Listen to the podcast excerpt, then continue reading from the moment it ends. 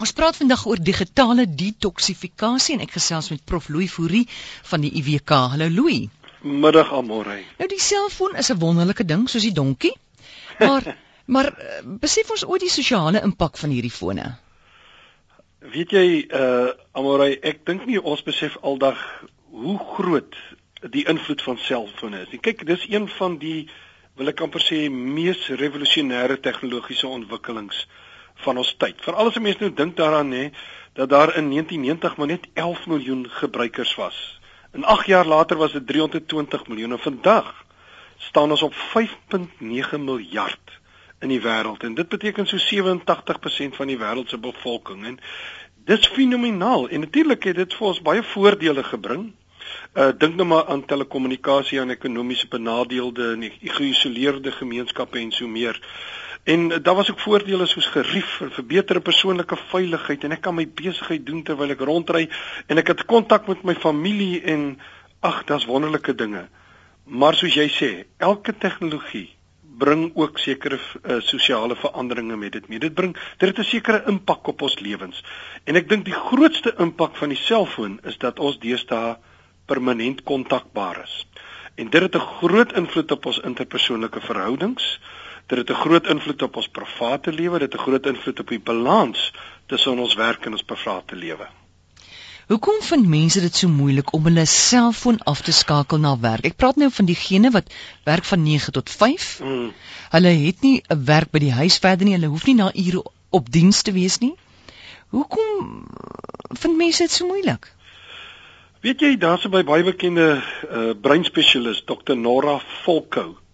En sy sê dis eenvoudig, weet jy, want dieselfde uh, goedvoelhormoon dopamien mm -hmm. wat ons na seks en na kos aantrek, ehm uh, en wat dan afgeskei word, uh word ook afgeskei as ons daardie ding hoor van daar's 'n of wat ook al die geluid is wat jy hoor Hi. as daar 'n e-pos of 'n teksboodskap is wat gearriveer is. Jy het jy al gesien hoe vinnig ja. gryp mense na hulle selfoon. Nou sy sê uh dis dopamien en dopamien staan bekend mos nou in die, in ons volksmond as die hormoon van die lewe. Dit verbind ons met die wêreld, dit motiveer ons, dit mm. gee ons die wil om te bly lewe.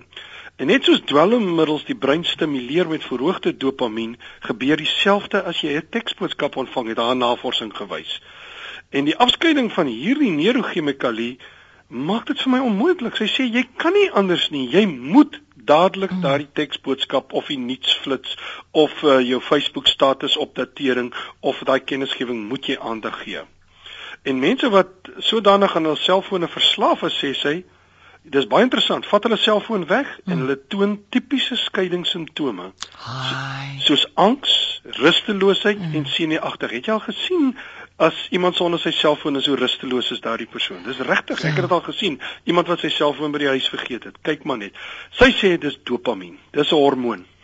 Wie wat ek ek probeer altyd as mense so vinnig gryp na hulle foon en hulle is so afhanklik van hulle foon en dan herinner ek hulle daaraan en sê ek hoorie, dink 'n bietjie aan jou lewe 3 jaar gelede. Jy, jy het 'n lewe gehad voor die selfoon daar was. Dink 'n bietjie daaraan. Maar nou, is dit hoekom sommige mense nou praat van digitale detoksifikasie? Ja, dit is dis 'n begrip uh amorei wat uh, so uh gewild geword het so tyd gelede nadat daar 5 baie wêreldbekende uh, neurowetenskaplikes hulle uitsonderlike resultate behaal het. Hulle hulle het navorsing gedoen en hulle het gesê daar is baie groot voordele as 'n mens nie jou selfoon 10 keer per dag nagaan nie. Teen dag 3 was hierdie mense wat nou aan hulle proef deelgeneem het oor 'n tydperk, was hulle denke helderder, hulle denke was skerper en ook baie dieper. Hulle kon blywende idees vorm en hulle konsentrasie het verbeter. Nou dis hoekom ons begin praat het van digitale detoksifikasie. En interessant is dat baie maatskappye dit nou begin instel het. Uh, een van die groot maatskappye in die wêreld, Boston Consulting Group, ehm um, hulle het een aand per week en dit sluit nou naweke uit, dwing hulle hulle werknemers om hulle slimfone neer te sit en geen e-posse en boodskappe na te gaan nie. En dit het hulle gedoen nadat daar 'n professor Leslie Perlow van die Harvard bekende Harvard besigheidskool nadat sy gevind het in haar navorsing dat konsultante aan uitbranding ly, nie net en mens kan dit nou natuurlik sê vir enige ander beroep hmm. ook nie net omdat 'n mens lang werksure werk nie, dis nie die probleem nie, maar omdat hulle nooit kon voorspel of beheer gehad het oor wanneer ek 'n breek het nie. Met ander woorde, ek weet ja. nooit wanneer gaan ek afwees nie, want die selfoon mag enige oomblik my tot die werk roep. En dit het ook hoekom hulle uitgebrand het en toe het Boston Consulting Group besluit maar ons gaan 'n verandering bring en daar's natuurlik nog baie ander Volkswagen en so meer wat ook in dieselfde rigting begin dink het. So hulle gee hulle werknemers 'n breek. Hulle gee hulle 'n breek, doelbewus. Uh, hoekom sou hierdie digitale detoksifikasie so nodig wees? Weet jy, dis omdat ons paal in werknemers dan nou paal onder druk is uh, om dadelik mos. Kyk, ek moet mos nou dadelik aan 'n kliënt ja. of 'n baas se e-pos aandag gee. Dit is dikwels nie eens dringend nie, maar ek moet. En ons ons lewens is mos maar so, ons is altyd uh, aan diens, ons is altyd aan roep en altyd kontakbaar, kontakbaar wat 'n wonderlike ding is, het nou altyd beskikbaar geword. En daarom begin uh, jou uh, hierdie ding jou werk dan jou aande oorneem, dit begin jou naweke oorneem en dit begin jou vakansietye. Ek het al gesien mense sit op die strand met hulle met hulle selfone en antwoord sekere goed. Ek hoop dit was maar iets lekkers nie werk nie. In, in navorsing het dan ook gewys dat 26% van bestuurders Nou moet jy mooi luister, vat hulle selfone bed toe. Nou ek kan aan beter dinge dink, maar hulle vat hulle selfone bed toe en hulle bly aangeskakel deur die nag. Uh, wat dan beteken jy rus nie eens behoorlik nie. En eh, Pillow het in, in haar navorsing gesê, uh dit is duidelik dat werknemers wat tyd afgehaat het, gelukkiger voorkom en baie meer produktief is as mense wat nie afgeneem het nie, wat nie hulle selfoon van tyd tot tyd afsit nie. Want ons het almal 'n breek van werk en rus, ons rus nodig. Ons het uh, uh, ons het uh, vrye tyd nodig. Uh, dis van die uiterste belang. Ons moet ontspan, ons moet verhoudinge bou, ons moet pret hê, ons moet ons familielewe geniet. En en daarom begin maatskappye dan nou hulle werknemers forceer om tyd af te neem. Volkswagen in Duitsland uh, doen dit nou so dat hulle die e-posbediener so opgestel het dat sodra jy van diens af gaan, as jou skof verby is, want hulle werk skofte, dan lewer hy nie meer e-pos aan jou af nie. En in Brasilië byvoorbeeld uh, waar ek nou net was, het ek kennis geneem van 'n nuwe wetgewing wat in werking gestel het dat as ek vereis dat jy na ure jou selfoon moet nagaan, dat jy boodskappe moet antwoord of e-pos, dan moet ek jou oortyd betaal. Dis 'n wet. Jo, ek hou daarvan. Klink lekker. Is in Brasilië sê jy?